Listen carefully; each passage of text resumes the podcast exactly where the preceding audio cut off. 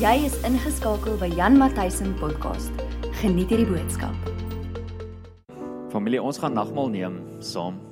So as jy nog nie jou elemente saam of by jou het nie, asseblief hardloop gou en kry dit vir jou reg. Ons gaan um so 'n bietjie stil staan by by dit wat die Here uh, wil hê ons moet onsself aan, herinner en dit is om die kruis te herinner onsself te herinner aan die kruis. Dit is om onsself te herinner aan dit wat Jesus gedoen het vir ons aan die kruis. En ek wil julle nooi, kry julle goedjies bymekaar. Ek wil vir ons lees uit 'n gedeelte uit in Eksodus 24 vanaf vers 8 af en hierdie is ook 'n gedeelte wat ek in my preek gaan gebruik nou-nou. Eksodus 24 vers 8 tot 11. Maar ek het gevoel dat hierdie juis nou vir die nagmaal nogal baie vir ons gaan beteken. Kom ek lees gou vir julle en dan en dan gaan ons aan dan gaan ons nagmaal saam gebruik.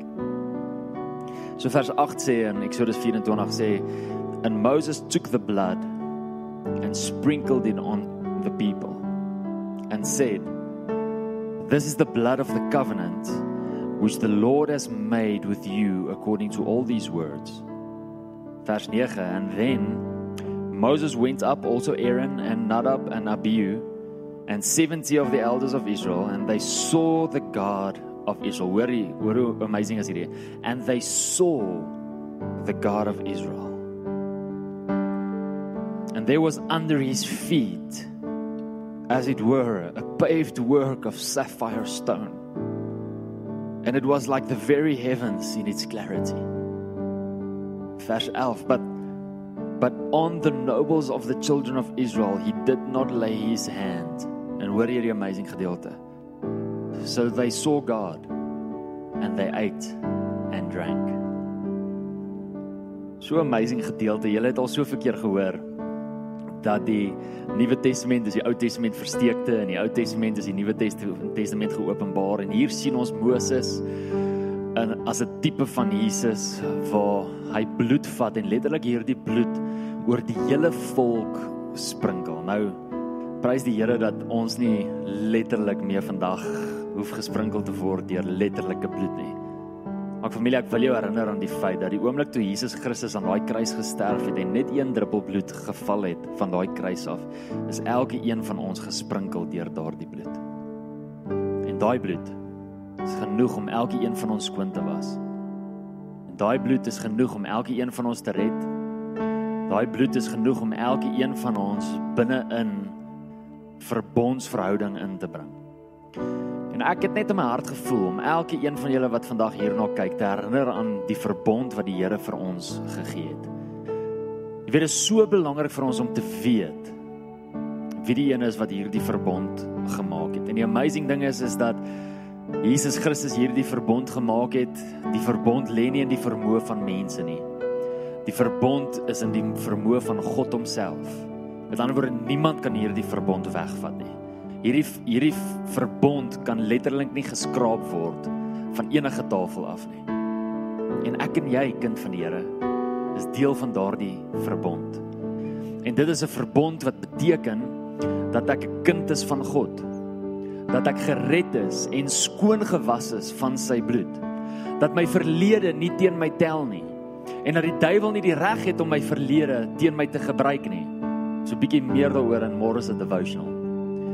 Maar ook herinner dit ons dat ons vry kan wees van enige kettinge, vry kan wees van enige iets wat ons aan bande hou, vry kan wees van enige sonde wat ons die heeltyd soos wat Paulus skryf laat trip. As gevolg van die kruis. As gevolg van hierdie verbond het ons die reg as kinders van die Here om te sê dat ons beskermd is Dis wat hy vir ons gedoen het op die kruis. Ons is ons het die reg om gesond te wees, ons het die reg om heel te wees, ons het die reg om vry te wees. Ons het die reg om te verklaar dat hy ons voorsiener is. Paulus kom en hy skryf in Romeine 8 sê hy God het sy heel beste kom gee, my eie parafrase. God het sy heel beste kom gee in Jesus Christus. Hoeveel te meer sal hy nie ook al die ander goed vir ons gee nie?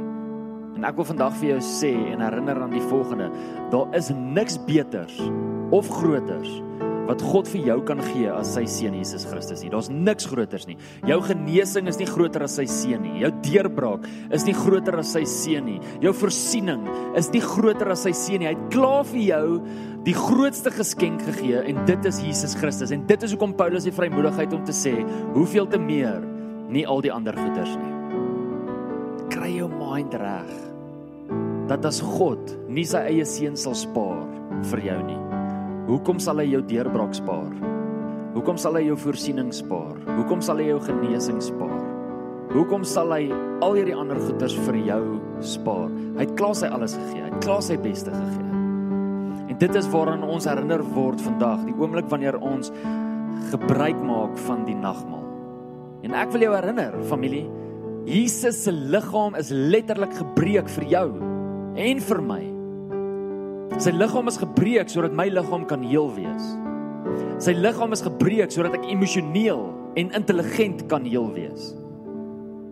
Dis hoekom sy liggaam gebreek is. En as gevolg van die feit dat sy liggaam gebreek is, het sy bloed gevloei. En die bloed is juis wat ons skoon was. Die bloed is juis wat ons regverdig maak sodat ons genoem kan word die regverdigheid van God. Sonder die bloed van Jesus Christus is ons nie die regverdigheid van God nie, maar die bloed van Jesus het ons regverdig gemaak. En dit beteken dat ek die reg het om binne in sy teenwoordigheid in te stap. Therefore, we can boldly enter into the throne of grace. So daar waar jy is, vat jou broodjie, vat jou koekie, vat jou beskuitjie, vat wat ook al jy by jou het.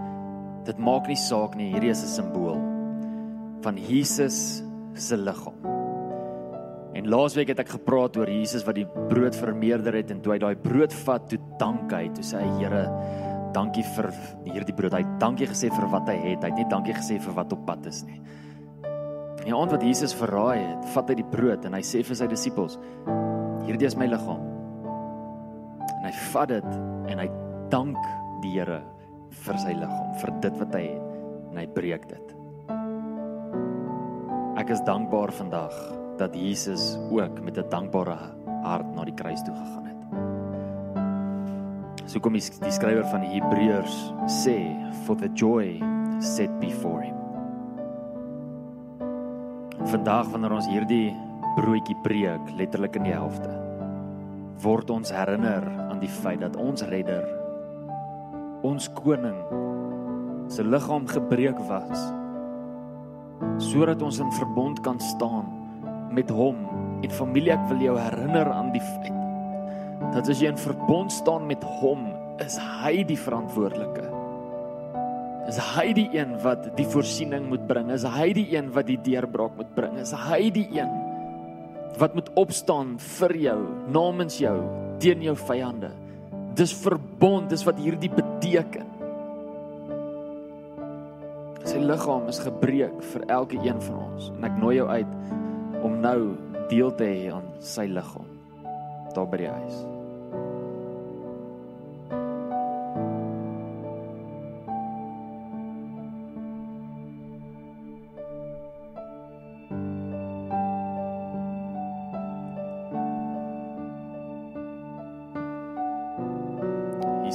'n stadium met sy disippels en klomp ander mense wat ook daar is en hy sê vir hulle as jy nie my bloed drink nie dan het jy nie deel van my nie.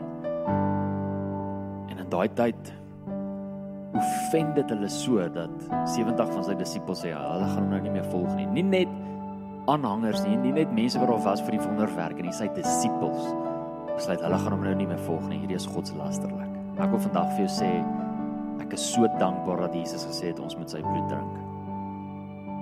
Ek is so dankbaar dat ons kan deel hê daarvan. Vandag verstaan ons dit bietjie anders. Ons het vandag die openbaring daarvan. En daarom die oomblik wanneer ons hierdie vat, kan ons die vrymoedigheid hê. En hierdie drink met vrymoedigheid om te weet dat as dit nie was vir die bloed van Jesus nie, as dit nie was vir die bloed van die perfekte lam nie, dan was ons nie nou in 'n regstaande posisie met ons Vader nie. Maar as gevolg van die bloed. En ek wil jou vandag herinner, die bloed gaan eers oor verhouding voordat dit gaan oor om jou sondes weg te vee. Partykeer is ons so gefokus op ja, die bloed vir ons sonde, die bloed vir ons sonde. Dit is die waarheid. Maar die bloed was eers daar vir verhouding. Om verhouding te herstel. En my gebed vir jou is is dat die oomblik wanneer jy drink hierdie bloed of wat ook al jy by jou het wat die simbool is van die bloed daar in jou huis dat dit verhouding sal wakker maak in jou hart met die koning van die konings. Dat die Heilige Gees nou iets in jou hart sal doen en jou sal honger maak vir meer van hom. Kom ons deel in die bloed van Jesus.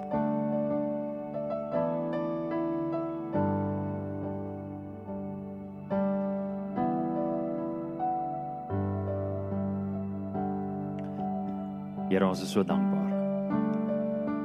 Is so dankbaar vir die kruis. Ons is so dankbaar vir u uithou vermoë. Ons is dankbaar dat u deur gedruk het en dat u dit gedoen het. Dat u deur daai marteling moes gaan om die dood van 'n sondaar deur te gaan terwyl u perfek was en geen sonde gehad het nie. 'n koning wat sy troon verlaat het letterlik die minste te word en dood te gaan vir daai mense wat hom nie eers wil hê nie. Wie kan daai hart verstaan, Here? Daarom kan ons net verklaar, U is amazing. Daar's niemand soos U nie, daar's niks soos U genade nie, daar's niks soos U liefde nie. Dankie dat soos wat ons vandag by die nagmaal staan, Here, dat elke persoon wat hierna kyk herinner sal word aan verbond en wat moontlik is vir U. Nie wat moontlik is vir hulle nie, nie hulle vermoë nie, U vermoë. Dit wat moontlik is vir die God van die onmoontlike. Ons bid dit in die naam van Jesus. Amen. En amen. Dankie Simie, ek gaan jou sommer vra om vir my hierdie te vat dan is dit uit my pad uit. Net nou raak die dinge so wild hierbo dat ek dit afstamp. En dan gaan dit chaos wees. Bloed oral. Dankie Andrea. Nee, ou familie Willem het dit klaar gesê. Hy sê ons mis julle ongelooflik baie. Ek, ons sê dit elke week. Ek is so bang ek sê dit nie en julle lei aan verwerping. Dis hoekom ek dit sê. Nee. Dis nie dis nie die waarheid nie. Ons mis julle regtig baie. En um, ons is nog steeds besig met 'n preekreeks, langste preekreeks ooit, maar lekkerste preekreeks ook ooit. Um ons is besig met die sewe wonderwerke van Jesus se aardse bediening voordat hy gekruisig is wat in Johannes staan en vandag is actually al week 5. So die dinge het nou al so gegaan dat ons al klaar is met 4 sessies en dat ons by 5 die 5de sessie is en vandag doen ons 'n lekker gedeelte. Ons doen 'n interessante gedeelte en dit is die gedeelte waar Jesus op die water loop. Nou soos wat ek elke keer sê, kry jou notaboek reg, kry jou Bybel reg, jou pen reg, maak seker jy maak notas. Moenie laat die familiariteit van hierdie skrifvers maak dat jy uitmis op dit wat die Heilige Gees vir jou wil sê nie. En as jy die voriges gemis het, gaan op Facebook, gaan op YouTube, gaan op podcast en gaan luister dit asseblief. Nou wat interessant is van hierdie gedeelte is dat die die verhaal wat hier vertel word deur Johannes van waar Jesus op die water loop, op die see loop, is anders as die gedeelte wat Matteus van vertel in Matteus 14. En is eintlik amazing. Baie van die geskiedskrywers reken dat Johannes sekere gedeeltes uitlos, soos byvoorbeeld julle sal sien. In hierdie gedeelte praat hulle glad nie van dat Petrus saam met Jesus op die water geloop het nie. Hierdie gedeelte fokus net op Jesus.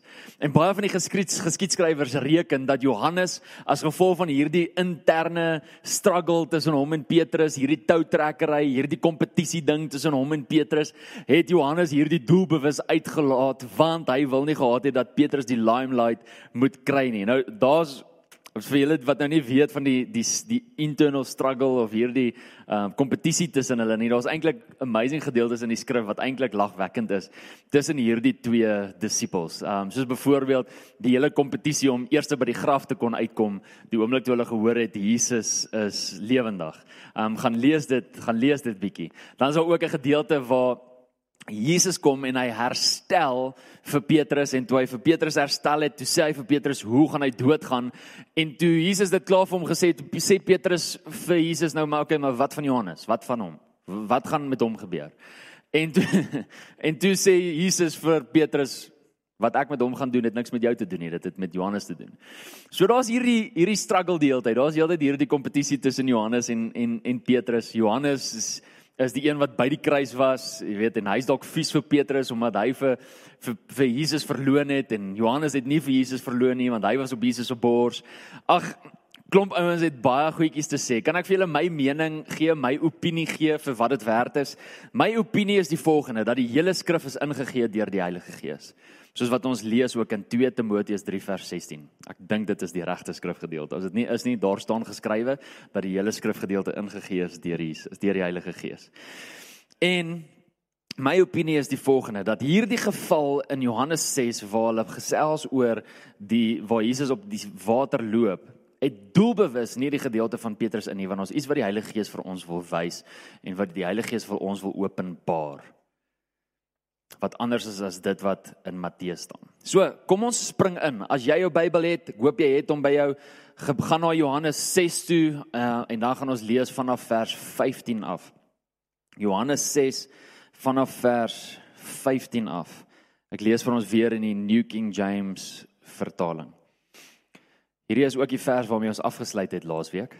So hierdie gaan vir jou bekend klink.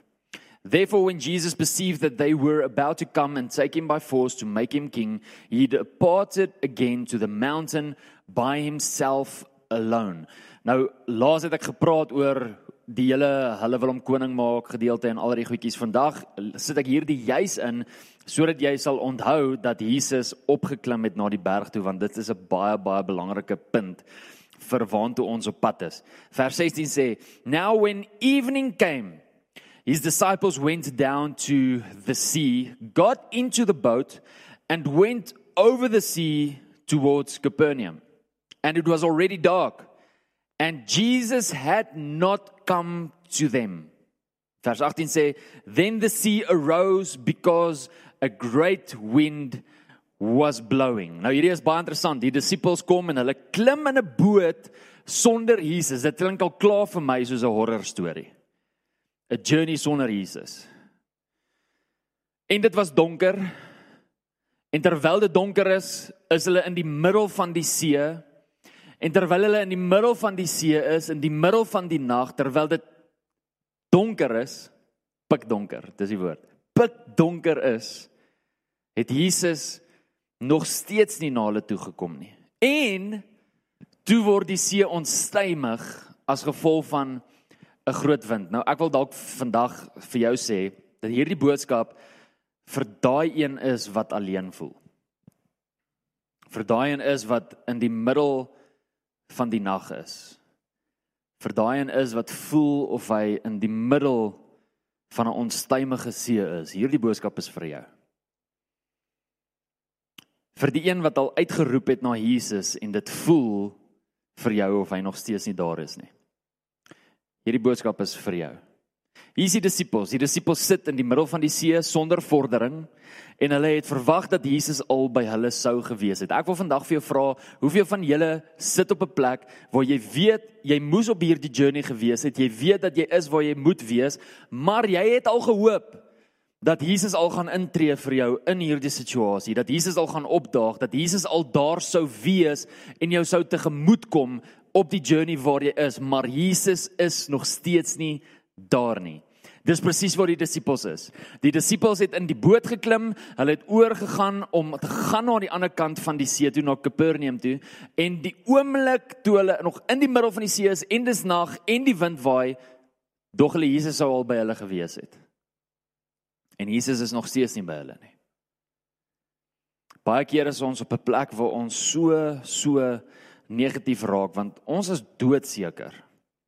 Ons is doodseker dat ons is waar ons moet wees. Ons is doodseker dat ek dat ek op die regte journey is. Ek is ek is doodseker dat ek in die wil van die Here is.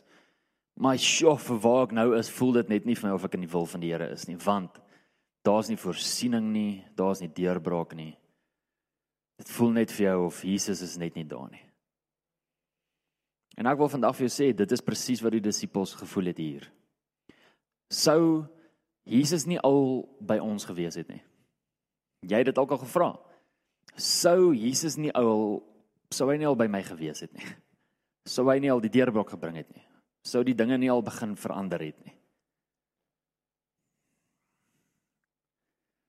Vers 19 sê So when they had rowed about 3 or 4 miles they saw Jesus walking on the sea and drawing near the boat and they were afraid but he said to them it is I do not be afraid. Okay, so in die eerste plek sien ons hier, hulle was bang. Kom was hulle bang? Hulle was bang want die oomblik toe Jesus by hulle aansluit, sluit hy by hulle aan op 'n ander manier wat hulle gedink het hy by hulle gaan aansluit. Okay, hier is die disippels. Hulle is in die middel van die see en die woord van die Here sê en Jesus het nog nie by hulle aangesluit nie. Hulle het hierdie verwagting. Hulle het 'n verwagting dat Jesus by hulle gaan aansluit. Hoe gaan hy by hulle aansluit? Natuurlik in 'n boot. So Jesus sou 10 teen in self in 'n boot geklim, het self geroei het want al die disippels is daar en hulle het verwag dat hy by hulle sou aansluit. Maar nou kom Jesus en hy sluit by hulle aan, maar hy sluit anders aan as wat hulle gedink het hy gaan aansluit. En as gevolg van hoe hy opdaag, is hulle vreesagtig. Familie, luister net gou mooi na hierdie. Ek wil nie hê dat jy dit sal mis die oomblik wanneer Jesus opdaag in jou lewe op 'n ander manier as wat jy gedink het dit gaan wees, dat jy vreesagtig sal wees nie. Trust hom. Trust hom. En dan is dit so amazing dat hulle is bang, maar Jesus kom en hy sê it is I do not be afraid. It is I do not be afraid. Nou hierdie was vir my amazing geweest. Jesus kom nie na hulle toe en sê vir hulle hy moenie bekommerd wees nie, um, alles gaan oukei okay wees nie, glad nie. Hy sê nie vir hulle uh moenie moenie bekommerd wees nie. Ons gaan nou aan die ander kant wees. Dis dis fyn. Hierdie hierdie wind gaan jou niks beteken nie. Dit gaan jou niks aandoen nie. Dit is nie wat Jesus hier sê nie. Hy sê net dis ek. Moenie bang wees nie. Hy kom nie en gee vir hulle hierdie amazing profesie en as gevolg van hierdie profesie en as gevolg van hierdie woord is hulle oukei. Okay. En nou is hulle nie meer vreesagtig nie. Nee, Jesus kom en hy sê vir hulle dit is ek. Moenie bang wees nie. Met ander woorde, vrees is nie veronderstel om deel te wees van wie hulle is nie as gevolg van die teenwoordigheid van hom. Nie as gevolg van 'n belofte nie, nie as gevolg van wat hy nou net vir ons gesê het of 'n woord van bemoediging nie, nee, as gevolg van teenwoordigheid. Is vrees nie veronderstel om deel te wees van hulle harte nie. Maar ek wil vandag vir jou sê dat as vrees deel is van jou hart die oomblik wanneer Jesus by jou is, dan het jy 'n baie groter klem op jou vrees geplaas as wat jy op Jesus Christus geplaas het. Dan beteken dit dat jy jou vrees hoër ag as wat jy Jesus ag. Dis wat dit beteken. Of as Jesus teen teen teenwoordigheid nie genoeg is vir jou om jou vrees stil te maak nie, dan kan dit ook beteken dat jou vrees verhewe is bo hom of dat jou vrees of dit skus of dat jy sy voorsiening en sy beloftes self bo hom ag. Jy sien man Jesus kon vir hulle gesê het disippels dis ek moenie worry nie want maar hy het nie net die feit dat hy gesê het dis ek was genoeg vir hom om vir hulle te sê moenie vrees nie. Is jou hart nog van so 'n aard dat die oomblik wanneer Jesus na jou toe kom en net vir jou sê dis ek dat al jou vrees en al jou angstigheid en al jou bekommernis uit die deur van jou hart uit sal loop. Want sy teenwoordigheid is veronderstel om genoeg te wees vir dit. Maar hier kom Jesus en hy tree op buitengewoon.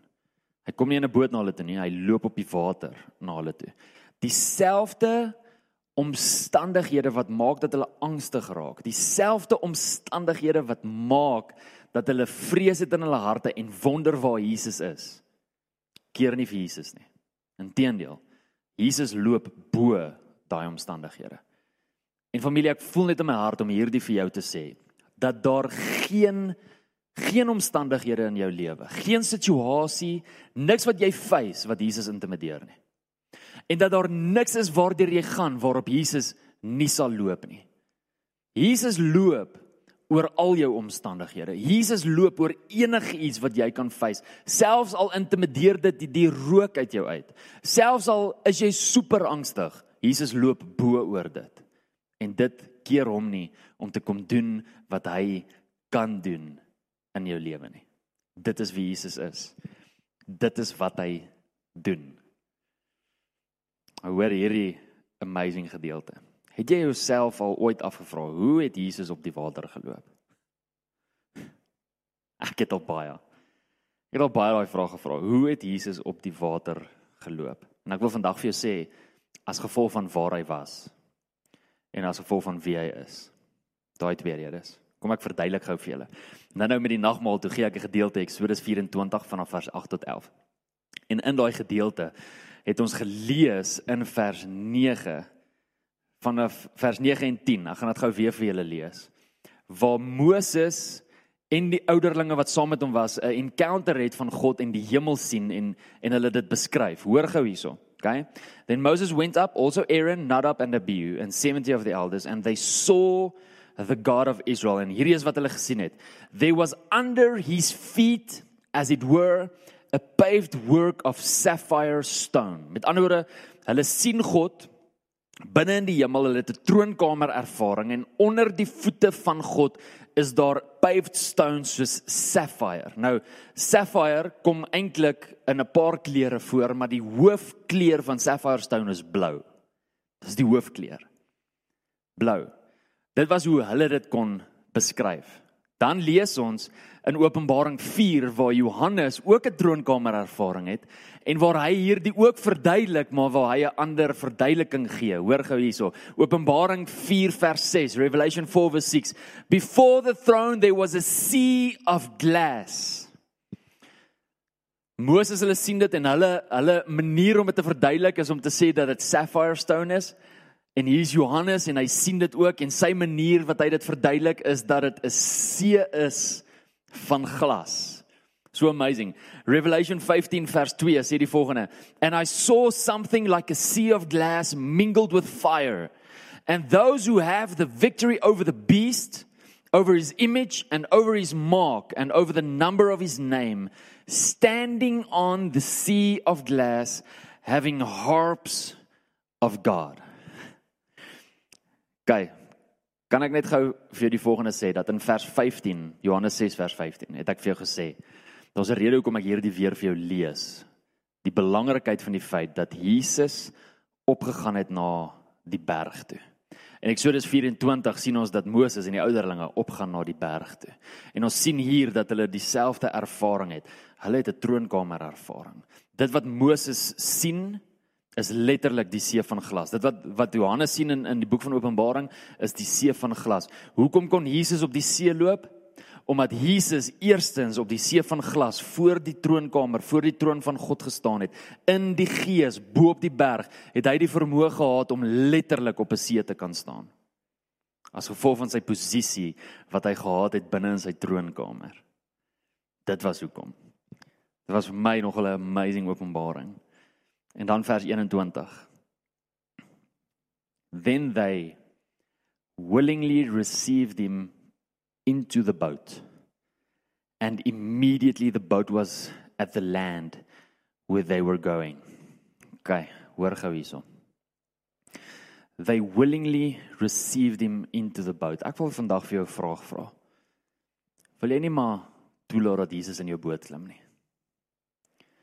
Wil jy nie maar vir Jesus toelaat in elke area van jou lewe nie? En en ek bedoel elke area. Ek bedoel in jou besluite rondom jou finansiële keuses. Ek bedoel oor jou besluite rondom jou beroep, oor jou besluite rondom jou gesin en jou huwelik en jou kinders. Wil jy nie maar vir Jesus toelaat in jou boot nie? Jy sien hulle is in die boot en hulle het 'n crazy ervaring op die see. Maar Jesus kom loop bo hulle omstandighede, bo dit wat hulle intimideer, bo dit wat hulle vreesagtig maak. Dit keer hom nie. En die oomblik toe hulle dit besef, sê die woord, and they willingly received him into the boat. Weet julle wat beteken die Griekse woord vir willingly? Die Griekse woord vir willingly beteken die Griekse woord is thelo ethelo. En dit beteken they wished or they desired for him to be in their boat. Familie. Hierdie is my hartsbegeerte. My hartsbegeerte vir jou is dat jy 'n desire sal hê vir die koning van die konings om binne in jou lewe te wees in elke area en elke aspek. Dat jy sal ophou om self te probeer lewe, om self die keuses te probeer maak. Dalk is jy waar jy is omdat jy self probeer keuses maak, omdat jy self die heeltyd goeders probeer uitsort. Wil jy hom nie net willingly Wil jy nie 'n desire hê nie? Wil jy nie 'n desire om net in jou boot te sit nie, te plaas nie, toe te laat nie? Want het jy die B gedeelte van hierdie skrifvers gevang? Het jy dit gesnap? Het jy gesien wat staan daar? Net vir as jy dit gemis het, kom ek lees dit vir jou. Maak jou gees oop. And immediately the boat was at the land where they were going. Hallo, hulle is in die middel van die see. In die middel van die see. En die oomblik toe Jesus in die boot klim, was hulle onmiddellik nie meer in die middel nie, maar by hulle bestemming. Come on familie. Dit is so belangrik vir jou om toe te laat dat hierdie omstandighede waarin jy is en dit wat teen jou kom en hierdie realiteit van 'n wind en 'n en 'n en 'n golwe en al hierdie goeters wat teen jou slaan en alles wat teen jou tel, dis so belangrik vir jou om te besef in die eerste plek dat dit nie Jesus keer nie. In die tweede plek dat dit hom nie intimideer nie. En in die derde plek dat jy nodig het om daai ene wat nie eers geaffekteer word deur wind of deur 'n storm of deur enigiets van hierdie wêreld nie. Hy word nie daardeur geaffekteer nie dat jy hom sal toelaat binne in jou boot, binne in jou lewe, binne in jou besluitneming sodat jy dadelik verlossing kan kry. Want dit is die hart van ons God. Dit is wat Jesus kan doen. Ons dien nie God van die onmoontlike. Nie die God van die dalk onmoontlike nie. Nie die God van ag dalk is daar 'n kans nie. Die God van die onmoontlike. En ek wil vandag vir jou sê dat die oomblik wanneer jy Jesus toelaat in jou omstandighede, in jou lewe, in alles waardeur jy gaan, is daar 'n moontlikheid dat alles net so kan verander. Dat jou deurbraak net so kan kom jy net kan oorgee. They were immediately at the land where they were going. Laat my dink aan daai gedeelte waar Saulus rondloop en sy pa se donkies soek. En die oomblik terwyl hy nog 'n donkie soek, loop hy teen 'n profeet vas. Waar vandag vir al die profete sê, ons onder julle. Julle het 'n regtig baie belangrike posisie binne in die kerk. Die oomblik terwyl hy besig is om donkies te soek, loop hy in 'n profeet vas. Wat is die simboliek agter dit? Hy loop binne in 'n woord vas. En die oomblik toe hy teen daai woord vasloop, toe verander sy lewe. Toe word hy koning. Een oomblik is hy besig om donkies na te jaag en die volgende oomblik loop hy in 'n woord vas en poef, daar's hy koning. Klink soos 'n cartoon storie. Maar dis die God wat ons dien. Die God wat ons dien kan letterlik in een oomblik terwyl jy besig is om dit voel of jy donkies najag. Dit voel of jy besig is om te doen wat geen significant het nie. Terwyl jy besig is om dit te doen, kan jy binne in 'n woord vasloop en jou hele lewe kan verander. Net so. Dis die God wat ons dien. En ek wil vandag vir jou wat moedeloos is, wat hopeloos voel, wat moeg is, en wat ook al gevra het, wanneer gaan Jesus nou by my aansluit? Ek wil vandag vir jou bid. Kom sluit die oë. Vader, Here, dankie dat u woord kragtig is. U woord sê dit self, for the word of God is living and powerful. It's active, living, powerful. En ek bid vandag dat hierdie woord lewendig en kragtig sal wees binne in mense se lewens en binne in mense se omstandighede. En dat mense letterlik op 'n plek sal wees waar hulle sal besef wie die een is met wie hulle verbond het. Wie die een is met wie hulle in 'n verhouding staan. Dat dit die een is wat letterlik op water loop. Dat dit die een is wat letterlik of hy loop op die water of hy skei die see, maar ten spyte van wat ook al voor hom staan, dit keer hom nie. Dit is die God wat ons dien. En ek bid in die naam van Jesus, Here, dat elke persoon wat hierna kyk en hierna luister, nou daai verlossing sal begin ervaar en dat u Gees besig is om te beweeg. Bring hoop, Here. Bring deurbraak. U is die enigste een wat kan help. U is die enigste een wat hierdie land kan red, wat hierdie stad kan red, wat hierdie ekonomie kan red. Wat 'n einde kan bring tot hierdie virus. U is die enigste een. En ons roep uit na U toe. Here Jesus. Koning Jesus. Here, ons gee oor aan U. Ons kan nie sonder U nie, Here. Ons dien nodig in ons lewens. En ek bid vandag deurbraak en hoop vir elke persoon wat hierna kyk, veral oor daai wat sê sou Jesus nie al by my aangesluit het nie. Mag hulle vandag bemoedig word deur u Gees en mag hulle letterlik nou besef dat u nou by hulle is. Dat u nou opgedaag het. U is Immanuel, God met ons. En ek bid dat hulle bewus sal wees van u teenwoordigheid net nou daar waar hulle is, Here. In die naam van Jesus. Amen. Dankie dat jy saam met ons geluister het. Onthou om te subscribe op hierdie podcast. Volg ook vir Jan op Facebook en YouTube. Tot 'n volgende keer. Die Here seën jou.